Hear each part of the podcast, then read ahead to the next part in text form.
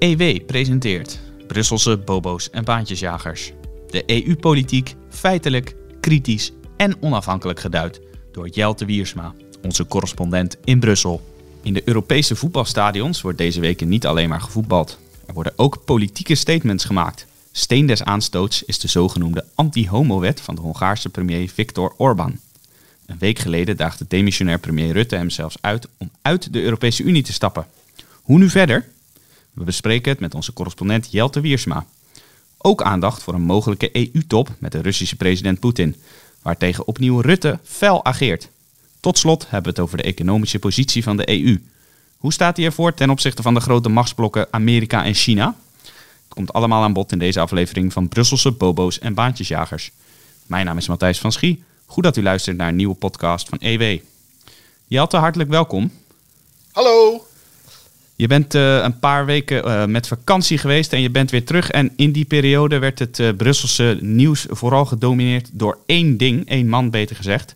De Hongaarse premier Orbán en dan met name zijn anti-homo-wet. Kun jij even in vogelvlucht uitleggen hoe dat is gegaan en hoe het er nu voor staat? Wat is de laatste stand van zaken?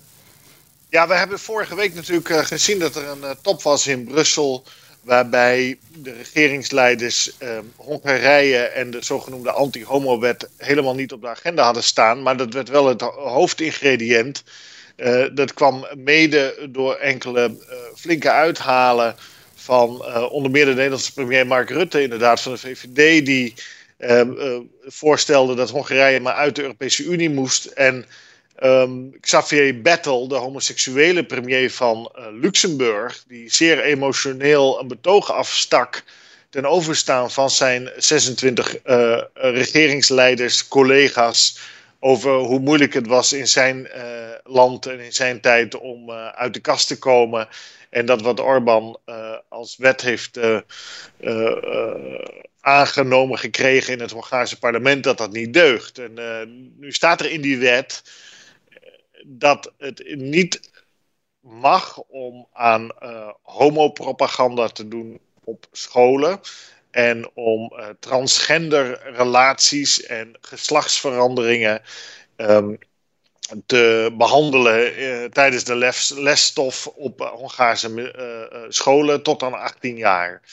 Nou, daar kan je natuurlijk van alles van vinden. het is wel zo moet ik voor het perspectief zeggen dat alles wat raakt aan homoseksualiteit heden ten dagen leidt tot, uh, ik zou bijna zeggen, hysterische reacties van regeringsleiders. Ik kan me goed voorstellen dat iemand die homo is, zoals Battle, daar uh, extra gevoelig uh, voor is. Maar ook de reacties vanuit andere landen, waaronder dus vanuit Nederland, was ronduit venijnig en ik zou zeggen een beetje overdreven.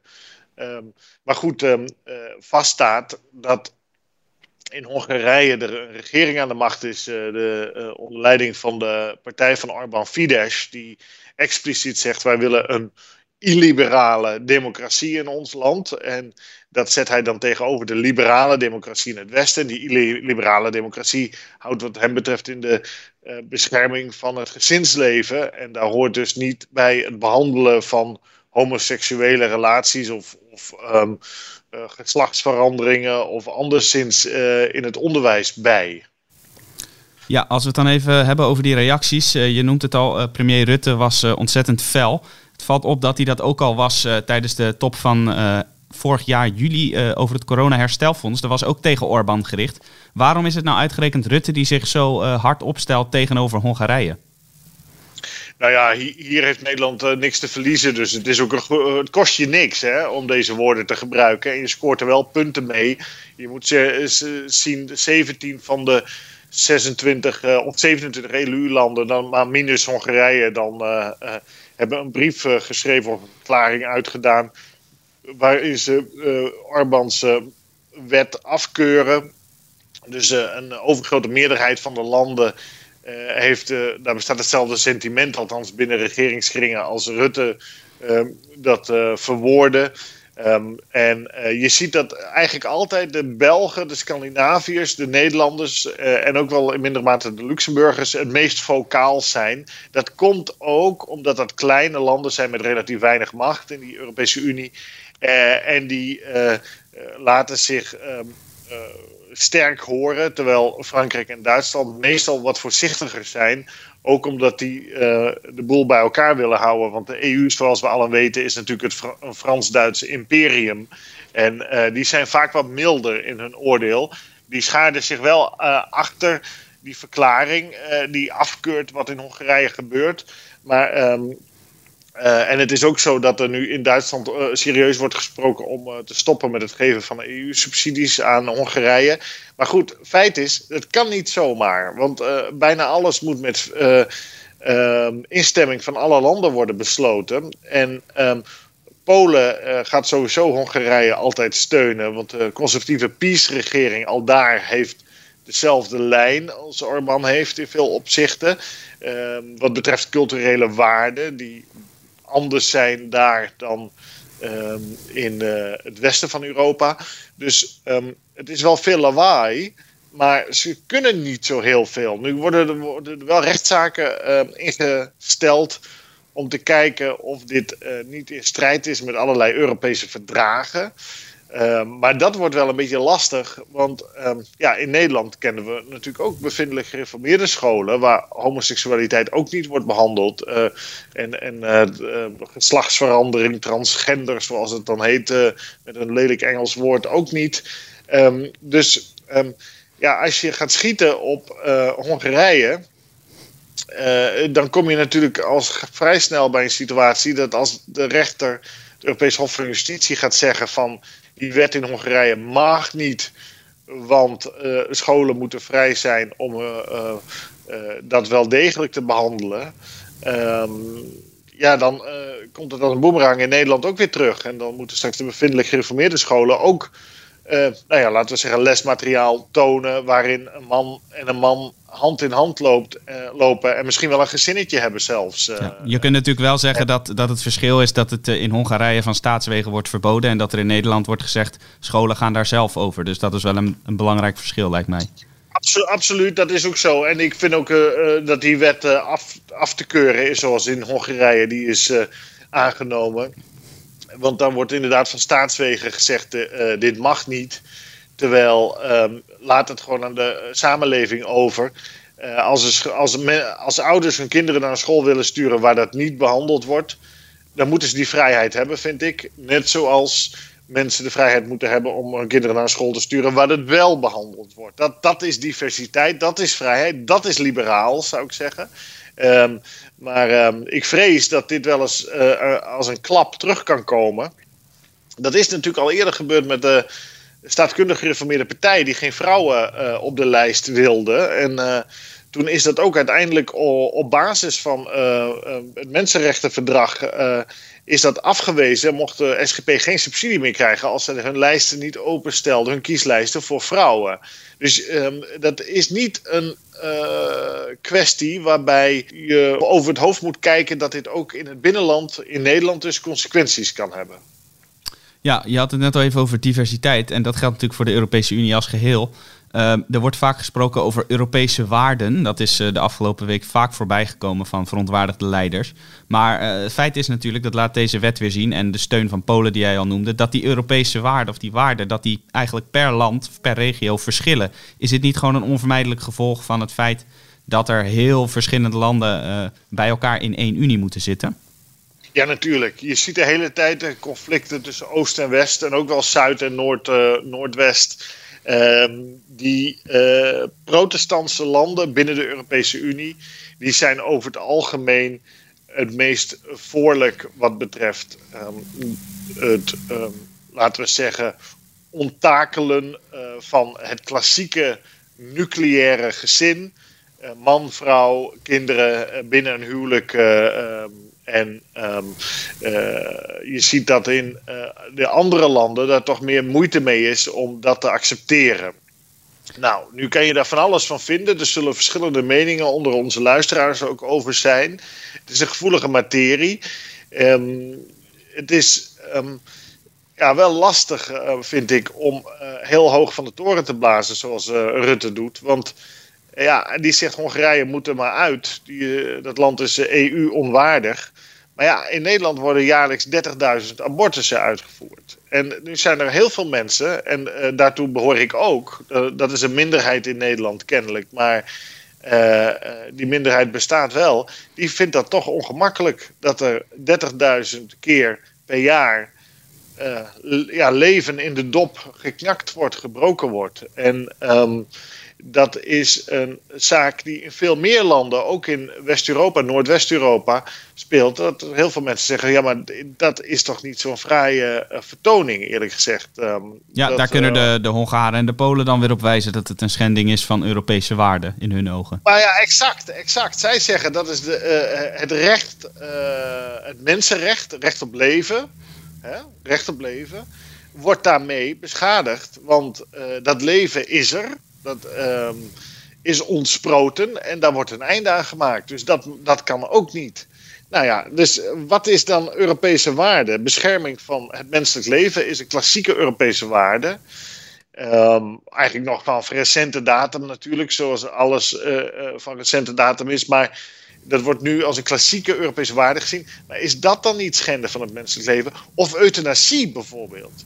Kijk wel, die euthanasiepraktijk zoals die in Nederland bestaat, en ook in België, uh, die wordt in heel veel landen um, als ja, ronduit object bekeken. Um, en dat zijn niet alleen uh, landen in Oost-Europa, um, waarbij gezegd wordt, ja, maar dat is het vermoorden van bejaarden. Uh, of, of in ieder geval mensen die nog menswaardig kunnen leven, of die gewoon leven. Daar mag je nooit aankomen. Dat is een heiligheid dat als je daar aankomt, dan uh, komt elk menselijk leven op de helling te staan. En uh, mind you, zeg ik, um, dit is niet iets dat licht moet worden opgevat. er wordt um, in Nederland, vind ik, in veel media, praatprogramma's en, en, kranten zo heel luchtig over gedaan. Oh, homohuwelijk en, en, en, en transgender en uh, abortus en dat zijn euthanasie, dat zijn verworvenheden. Maar um, toen euthanasie bijvoorbeeld voor het eerst besproken werd, toen was er een Joodse hoogleraar, een dame uit, een lesbische vrouw notabene, uit, uit Nijmegen, um, die zei van in een pamflet van ja, maar luister, als je hier met euthanasie begint, dan is het hek van de dam. Dan ga je dus zeggen dat imperfecte mensen niet meer eigenlijk een plek horen hebben in de samenleving. En um, dat is een pad dat inderdaad gekozen is in de afgelopen decennia. En ik vind dat als Europese waarden toch wel ongemakkelijk. Als dat de Europese waarden worden. Um, dat leven in de knop gebroken kan worden dat uh, leven dat kennelijk voltooid is op een of andere manier, uh, dat dat gebroken kan worden. Um, ja, en daar zijn de Oost-Europese landen vocaal op. En die zeggen van ja, maar dat, dat kan helemaal niet. Dat hoort niet, dat willen wij niet. Um, dus ik denk dat uh, de Europese landen, Noordwest-Europese landen specifiek, en dan misschien nog wel wat meer specifiek meneer Rutte, maar ze goed moeten bedenken wat ze nou eigenlijk aan het zeggen zijn. Als ze zo heel veel lawaai maken over deze wet in Hongarije, die ik afkeur. Um, vanzelfsprekend keur ik die af, want het is een beperking van de vrijheid van onderwijs, wat mij betreft. En daarmee een beperking van de vrijheid van ouders om hun kinderen op te voeden zoals ze willen. Uh, maar um, je moet niet zoveel lawaai gaan maken als je niet eerst eens naar jezelf kijkt. En ook eens met uh, vreemde ogen durft te kijken naar je eigen eigenaardige praktijken, die wat mij betreft abjecter zijn dan de praktijk in Hongarije, waar uh, er veel meer beperkingen zijn en uh, euthanasie niet zomaar plaats kan vinden zoals in Nederland kan. Ja, wijze raad aan premier Rutte. We zijn benieuwd of hij zich er iets van aantrekt. Hij maakte daar dus veel lawaai over, over die Hongaarse wet. En dat deed hij ook over een, uh, een ander voorstel dat uh, werd gedaan. Uh, dat werd gedaan door de Duitse bondskanselier Angela Merkel en de Franse president Macron. Trekken weer eens samen op, zoals zo vaak. Zij wilden namelijk een EU-top organiseren met de Russische president Poetin. Maar er zijn een aantal lidstaten niet zo voorstander van. En opnieuw was het Rutte die daar zeer kritisch over was. wat heeft hij precies gezegd over die top? Ja, Rutte was wel kritisch, maar Rutte was niet de belangrijkste speler. Hè. Dat wordt natuurlijk in de Nederlandse media het meeste opgepikt. Maar verreweg het belangrijkste was dat inderdaad uh, de Duitse bondskanselier Angela Merkel, CDU, en de Franse president Emmanuel Macron, En Mars, die zeiden: wij moeten weer een top met Poetin gaan organiseren, uh, de Russische president, want dat is sinds 2014 al niet meer geweest. Toen de Krim is geannexeerd van Oekraïne door Rusland. En uh, ja, wij hebben gewoon belangen met Rusland en we moeten iets doen met de Russen. Uh, ook in navolging van de top van de Amerikaanse president Joe Biden, die natuurlijk met Poetin in Genève onlangs heeft gesproken. En de Europese Unie als buren van Rusland ja, staan uh, erbij en kijken ernaar dat de Amerikanen wel met de Russen uh, overleggen um, en de, Europese Unie niet. Dus Duitsland en Frankrijk vinden dat ongemakkelijk. En daar hebben ze gelijk in wat mij betreft. Maar de Oost-Europese landen hebben meteen gezegd: wij willen dat niet. Uh, want uh, wij zijn uh, zo kwaad over die annexatie van de Krim. Dat voordat die Krim wordt teruggegeven aan Oekraïne, gaan wij nooit toestaan dat er een EU-top komt met meneer Poetin. Nou, dat betekent eigenlijk dat er nooit meer een EU-top kan komen met, zolang Poetin daar de macht heeft. Want en dat zal nog wel even zijn. Dat, dat, kan, ja, dat kan nog heel lang duren, tot in zijn graf waarschijnlijk als het doorgaat. Uh, dat betekent dat er nooit een EU-top met Poetin zou kunnen plaatsvinden. Nou, dat is wel uh, uh, een probleem voor Duitsland en Frankrijk, die toch meer als grote landen machtspolitiek opereren en zeggen: ja, wij hebben energiebelangen met Rusland, veiligheidsbelangen. We hebben economische belangen, uh, uh, want we hebben bedrijven die daar investeringen hebben gedaan. En uh, we moeten een vergelijk met meneer Poetin eh, zien te krijgen. Op in ieder geval kleine gebieden of deelgebieden. maar Oost-Europa heeft meteen gezegd: gaan we niet doen. stop, ho, boom. Nou, Rutte zei ook van ja, dat gaan we niet doen. Ehm, want die voelde zich overvallen door dit Frans-Duitse voorstel. En die uh, uh, vond dat niet zo prettig allemaal. Nou goed, um, ik vind het onverstandig. Je moet gewoon met de Russen praten. Kijk, de simpele realiteit is. Hoe onmogelijk Rusland zich ook gedraagt. En meneer Poetin zich ook gedraagt. Het is het grootste land geografisch ter wereld. Met een enorme voorraad aan grondstoffen. Uh, een strategische positie, want het ligt deels in Europa, het, grenst aan het Midden-Oosten en het ligt natuurlijk grotendeels in Azië. Uh, het omspant elf tijdzones. Het heeft een um, toch redelijk formidabele uh, strijdkracht die zich laat gelden in het Midden-Oosten. Denk aan Syrië, waar Assad in het zadel is gehouden door de Russen.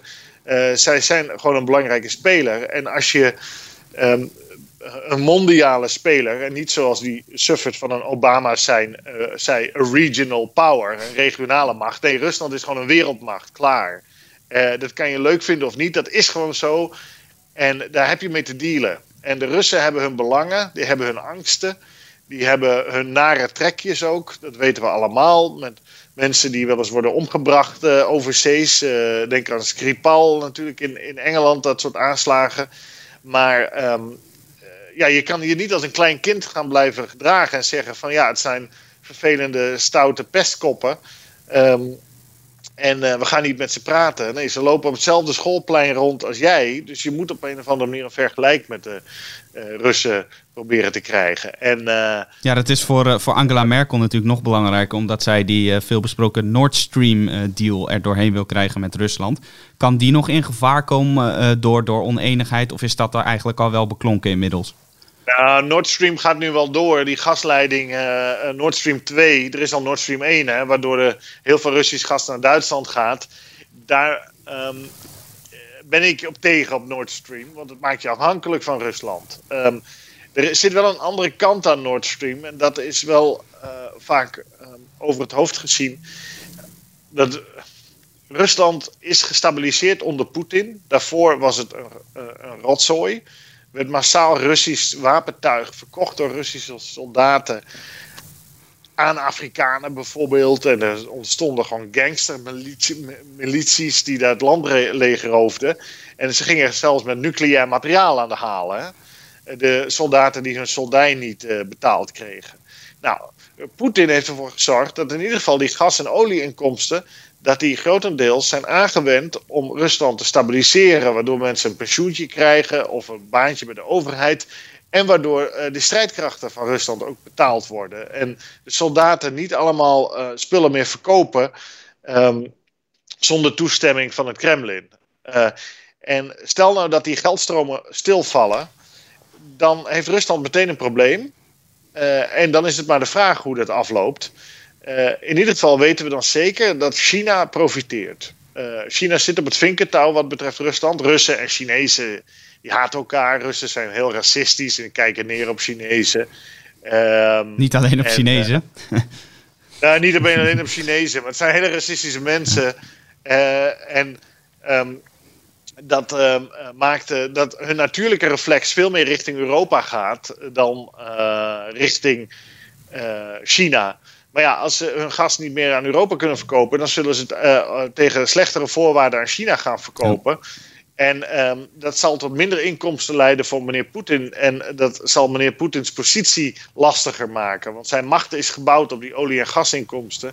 Um, dus uh, dan krijg je dat Rusland eerder verder wegdrijft van Europa dan, uh, en in de handen van China komt. Uh, want er zijn nu al hele delen van Rusland in het Aziatische gebied waar Chinezen gewoon in over de grens zijn gaan wonen en een landje pik doen. Dus dat is voor ons helemaal niet aantrekkelijk, want het grote gevaar is China. Een veel groter land. Dat is 10, 12 keer zo groot qua bevolking als Rusland is. Uh, met een uh, economie die inmiddels de Russische per hoofd van de bevolking voorbij is. En ook uh, veel meer ambities, zoals het lijkt. in ieder geval in Azië. Om, democratie, om de democratie omver te werpen. En nou, uh, Poetin deelt ons een speldenprik uit, maar geen fundamentele aanvallen kan hij uitvoeren. De Chinezen zijn veel agressiever. Zien we in Hongkong, waar de democratie is uh, weggevaagd. Dus uh, dat, in dat perspectief is in ieder geval duidelijk dat goede relaties met Rusland, hoe dan ook, of in ieder geval een verstandhouding met Rusland, dat zij deel zijn van Europa, dat zij eigenlijk horen bij de. de cultuursfeer Europa. Dat uh, wij uh, tot een vergelijk moeten komen op een of andere manier. En dan is het heel kinderachtig, vind ik, dat mensen zoals Rutte, maar ook de Oost-Europeanen, die ik wel snap vanuit hun perspectief dat ze vrezen dat Poetin ook landje pik in Oost-Europa gaat doen, maar dat doet hij niet. Hij gaat niet NAVO-landen. Gaat hij geen landje pik doen, want dan komt hij in conflict met Amerika. Dat gaat niet gebeuren, dat zie ik hem niet doen. Um, dus die vrees is volgens mij onterecht van de Oost-Europeanen. Um, dus um, ik vind het een beetje kinderachtig, eerlijk gezegd, om, om uh, dit te saboteren. En we krijgen nu een alternatief dat von der Leyen en Michel van meneer Rutte en anderen wel met Poetin mogen gaan praten. Dus op lager niveau mag wel met Poetin worden gepraat. Maar ja, dan neem je Poetin ook niet serieus. Want, nee. Kijk, meneer, uh, het werkt zo in die internationale politiek dat je praat alleen met mensen van het gelijke politieke niveau. Dus uh, presidenten, premiers, bondskanseliers, die praten met elkaar. En die praten niet met iemand van lager niveau. Zo gaat dat niet. Maar uh, kunnen Macron en Merkel niet alsnog zeggen: wij gaan gewoon onafhankelijk van de EU-instituties samen met Poetin om tafel? Want zij delen toch de lakens uit in, in die EU ze doen het bilateraal al. Merkel die praat ook al met Poetin. Macron praat ook al met Poetin. Dus um, uh, dat Merkel en Poetin nu, of, uh, Macron nu hebben gezegd van wij uh, zullen we als hele EU een top met Poetin organiseren, was wat mij betreft eigenlijk een uitgestoken hand ja. naar, naar die andere EU-landen. Zo van komen jullie ook aan tafel, dan doen we het gezamenlijk. Ja, dat, is eigenlijk dus een geste om een mooi Frans woord te gebruiken. Zo is het. En uh, ik vind dat uh, ja, een, beetje, een beetje kinderachtig, eerlijk gezegd. Natuurlijk, Nederland heeft ook nog MH17. Dat is een open wond. En dat is begrijpelijk dat het een open wond is. En Rutte heeft zich er persoonlijk voor hard gemaakt dat alle daders van MH17 voor de rechter komen. En uh, dat is voor hem persoonlijk ook een grote kwestie. Hij is vaak uh, uh, niet op principes uh, te betrappen, Rutte. Maar in dit geval is hij heel geloofwaardig, heel fanatiek met MH17 bezig. Dat is echt iets waar hij bij wijze van spreken nog nachtmerries van heeft. en dat valt hem zeer te prijzen. Maar ja, MH17 mag niet eraan in de weg staan dat er gewoon een heel, heel groot buurland is. Um, waar. Um, we iets mee moeten. En het is beter als Rusland met ons een vergelijk heeft en door ons serieus wordt genomen en genomen gevoeld worden, dan dat hij wegdrijft in een isolatie en uiteindelijk um, een instabiel Rusland ontstaat. Veel instabieler dan het nu is. Waarbij de Chinezen um, op het vinkertouw zitten en uh, ervan profiteren. Dus in dat perspectief moet je iets met Rusland. En, um, en de Russen willen dat zelf ook. Hè?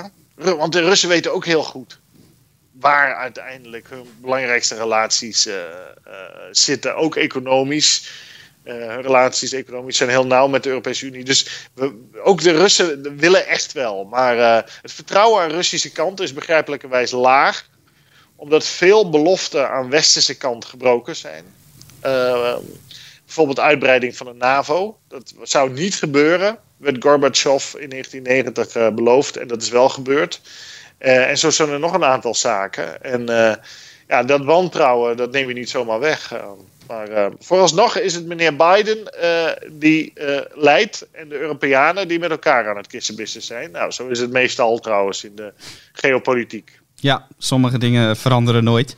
Hey, je, we hebben het dus gehad over een van de grote machtsblokken naast de EU, Rusland. En dan zijn er eigenlijk twee nog grotere machtsblokken, Amerika en China, waarover de Franse minister van Financiën, Bruno Le Maire, zich zorgen maakt.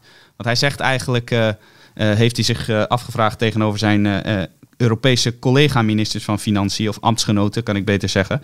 van willen wij nou aanhaken bij Amerika en China? Willen wij nou met hun meedoen of gaan we achterblijven? Jij bent daarop ingegaan in een commentaar over deze uitspraken. wat heeft Le Maire eigenlijk precies voor zorgen hierover?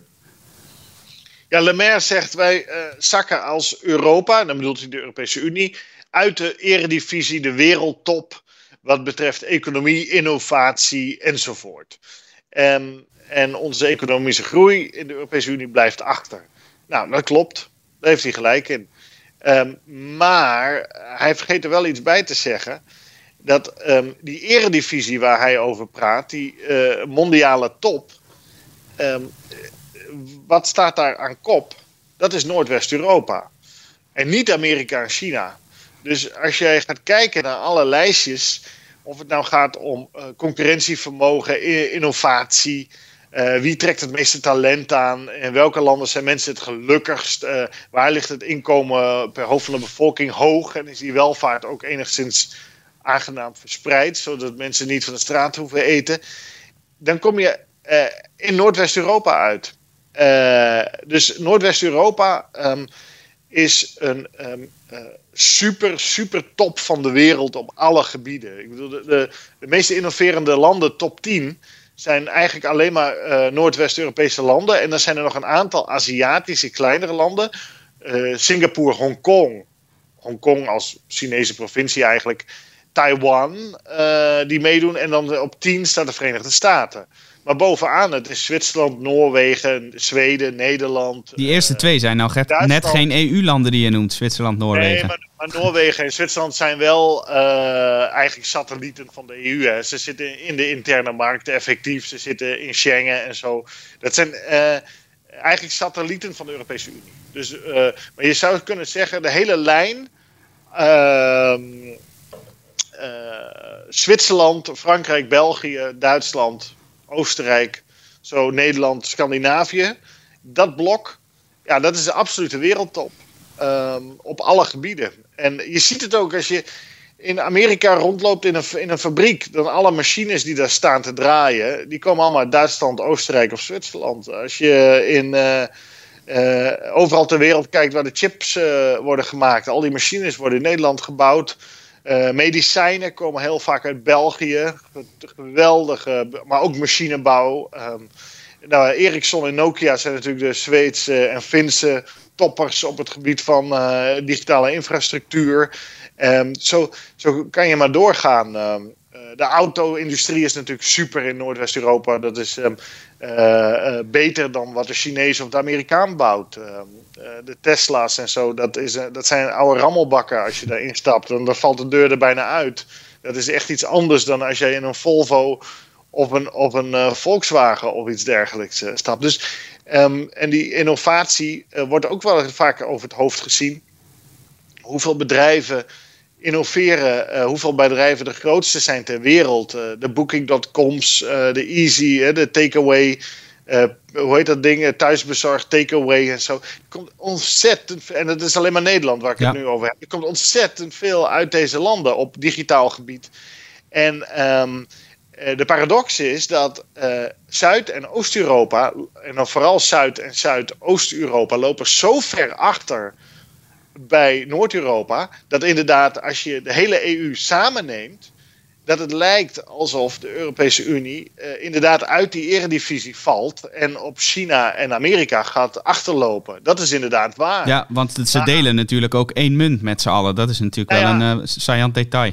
Een deel van de Europese Unie deelt één munt met elkaar natuurlijk. Niet allemaal, maar uh, dat is waar. Dus ze zitten in één markt, al die landen. Ze, ze hebben één munt. Ze hebben één, uiteindelijk een soort grondwettelijk hof, het Europees Hof van Justitie. Ze hebben één centrale bank enzovoort. enzovoort. Maar de verschillen daarbinnen zijn ongelooflijk groot. Veel groter dan binnen de Verenigde Staten van Amerika. Ik heb dus opgezocht dat um, Mississippi, dat is de armste staat in de Verenigde Staten. En die is vier keer rijker dan de armste staat in de Europese Unie, Bulgarije. Vier keer maar liefst. Dus, uh, en de, maar het rijkste land, qua, althans qua hoofd uh, van de bevolking, uh, jaarinkomen, kijk ik daarna, is Luxemburg ter wereld. En dat zit dus in één Unie. Dus je hebt een totaal verknipte Europese Unie. En ehm, het verschil tussen Zuid, Zuidoost en een deel van Oost. Want Polen en Tsjechië, dat loopt als een tierenleer. En Slovenië en zo ook wel. Slowakije. Dat, dat moet je eigenlijk eraf knippen. Want ja, het verschil wordt alleen maar groter. Um, de eurocrisis van 10, uh, 15 jaar geleden heeft natuurlijk um, het verschil tussen Noord en Zuid al groter gemaakt. En nu hebben we de coronacrisis en de lockdowns. Nou, iedereen is in het noorden van Europa verbaasd hoe weinig economische schade dat eigenlijk heeft opgeleverd. Maar hoe komt dat? Door de inventiviteit van de bedrijven, de die bedrijven zijn ook veel meer gedigitaliseerd in Noord-Europa, waardoor veel meer mensen ook vanuit huis konden werken.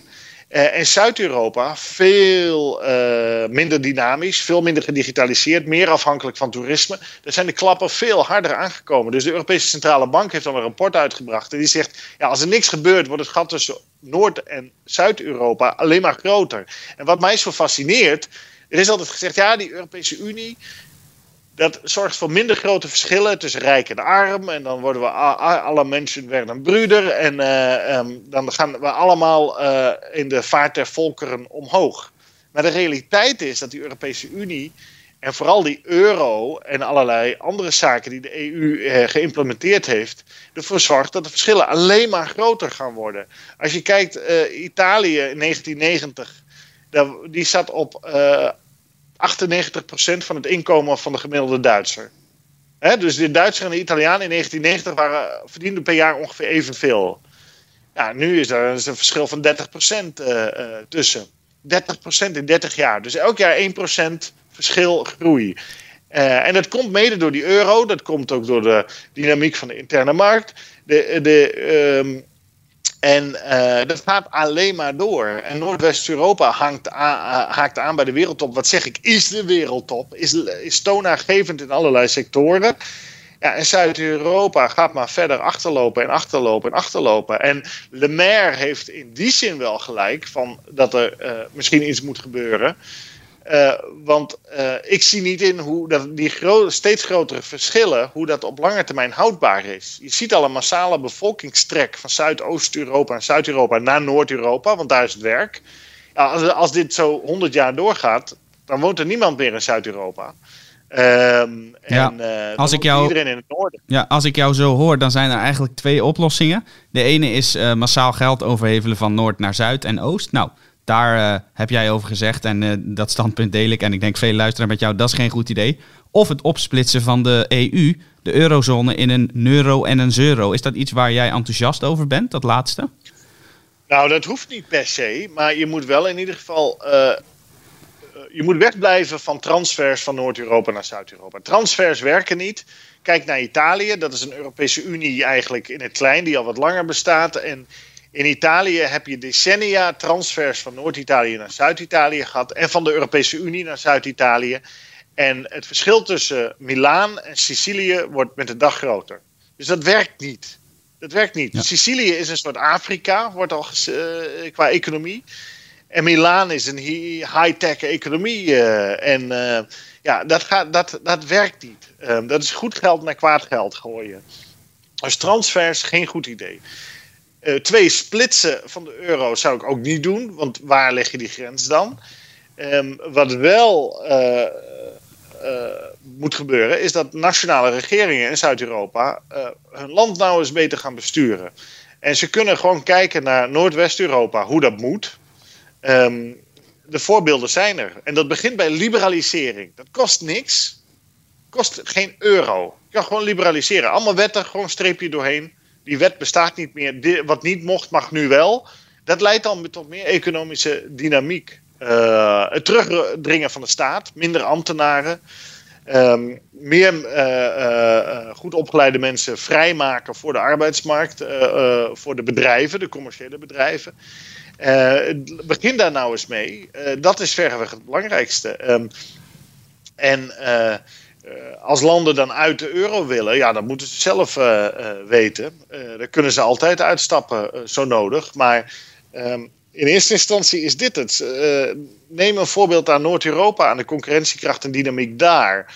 Um, maar goed, het is niet per se onlogisch hoor dat, dat dat niet gebeurt. Want het is een cultuur, dat is cultuur, zoals we alle, alle weten. En uh, de Noordwest-Europese cultuur, protestantse cultuur, is eigenlijk altijd economisch dynamischer geweest in de laatste eeuwen dan die in Zuid-Europa. Ehm, maar. Uh, het is ook um, misschien een onoplosbare kwestie. En dat je krijgt wat Amerika ook heeft. En dat is wel een logisch gevolg van de Europese Unie, zou je kunnen zeggen, met de open grenzen en de euro.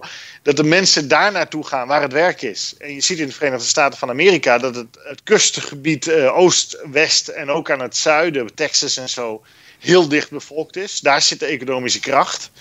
Maar het binnenland. Uh, daar woont bijna niemand. Daar heb je staten die, die zo groot zijn uh, als de hele Benelux. En er wonen dan een half miljoen mensen. Net zoveel mensen als in Drenthe of zo. Weet je? Dat krijg je dan. En dat, ik krijg, dat is een effect van die Europese Unie. Die open grenzen, die eengemaakte markt, die euro. Dat um, je kan gaan vergelijken tussen landen. Want voorheen kon je met deflatie en inflatie en geld bijdrukken. konden centrale banken in nationale van nationale regeringen spelen daarmee. Maar nu kan dat niet meer. Er is één uh, voetbalveld neergelegd met dezelfde spelregels. En dan wint de sterkste. En dat is wat je nu ziet. Uh, en uh, we krijgen, ehm, als het zo doorgaat, alleen nog maar een, een, een ja, doorgaande trek van mensen naar Noordwest-Europa. En dat hoeft helemaal niet slecht te zijn. Dan wordt Nederland wordt een soort New York. België um, wordt een soort Washington. Hè, daar zit toch al met Brussel de, het Washington van de Europese Unie. Nou, Duitsland is zeg maar uh, het California en Scandinavië is het Texas of zo van Europa. En ja, daar woont dan iedereen op een gegeven moment. Um, en dat is de ontwikkeling die we zien. dus dat Lemaire zich zorgen maakt, snap ik wel. Maar dit is ehm, de, denk ik de toekomst. Want ik zie de euro nog niet zomaar uit elkaar klappen. Ja, nou dat is een prikkelende toekomstvoorspelling. We gaan de komende jaren zien of dit zich inderdaad zo uh, door blijft ontwikkelen zoals jij hier voorspelt. En dat komt uiteraard nog volop aan bod bij EW en ook in deze podcast. Voor nu zijn we aan het einde gekomen van deze podcast. En dan heb ik eigenlijk nog wel een belangrijke mededeling voor onze vaste luisteraars. Namelijk per 1 augustus is Jelte niet langer onze correspondent in Brussel. Hij keert uh, terug naar Nederland als uh, politiek redacteur. Maar maakt u zich geen zorgen, wij blijven gewoon podcasts opnemen. Want u kunt uh, de expertise van Jelte natuurlijk niet missen. maar dan hebben we het dus over met name de Nederlandse politiek. En we zullen uiteraard, wanneer er in Brussel belangrijke ontwikkelingen zijn, niet nalaten om daar ook over te hebben. Maar dan weet u dus, deze podcast gaat over een maandje ook over de Nederlandse politiek. Wij broeden nog op een nieuwe naam. En als u tips heeft, uh, dan mailt u ze dan vooral uh, naar de e-mailadres in de beschrijving van deze podcast. Uh, en wie weet zit de fantastische naam die u bedenkt er wel tussen. Nou, dat even als huishoudelijke mededeling. Maar dit was het dus voor nu, voor vandaag. Hartelijk dank, Jelte. Graag gedaan. Alle luisteraars het beste gewenst. Graag tot de volgende keer. Hartelijk dank voor het luisteren naar de podcast van EW. Wilt u niets missen? Abonneer u dan uw favoriete podcast-app, bijvoorbeeld Spotify of iTunes, door te zoeken op EW. U kunt ook luisteren op onze site via ewmagazine.nl/podcast.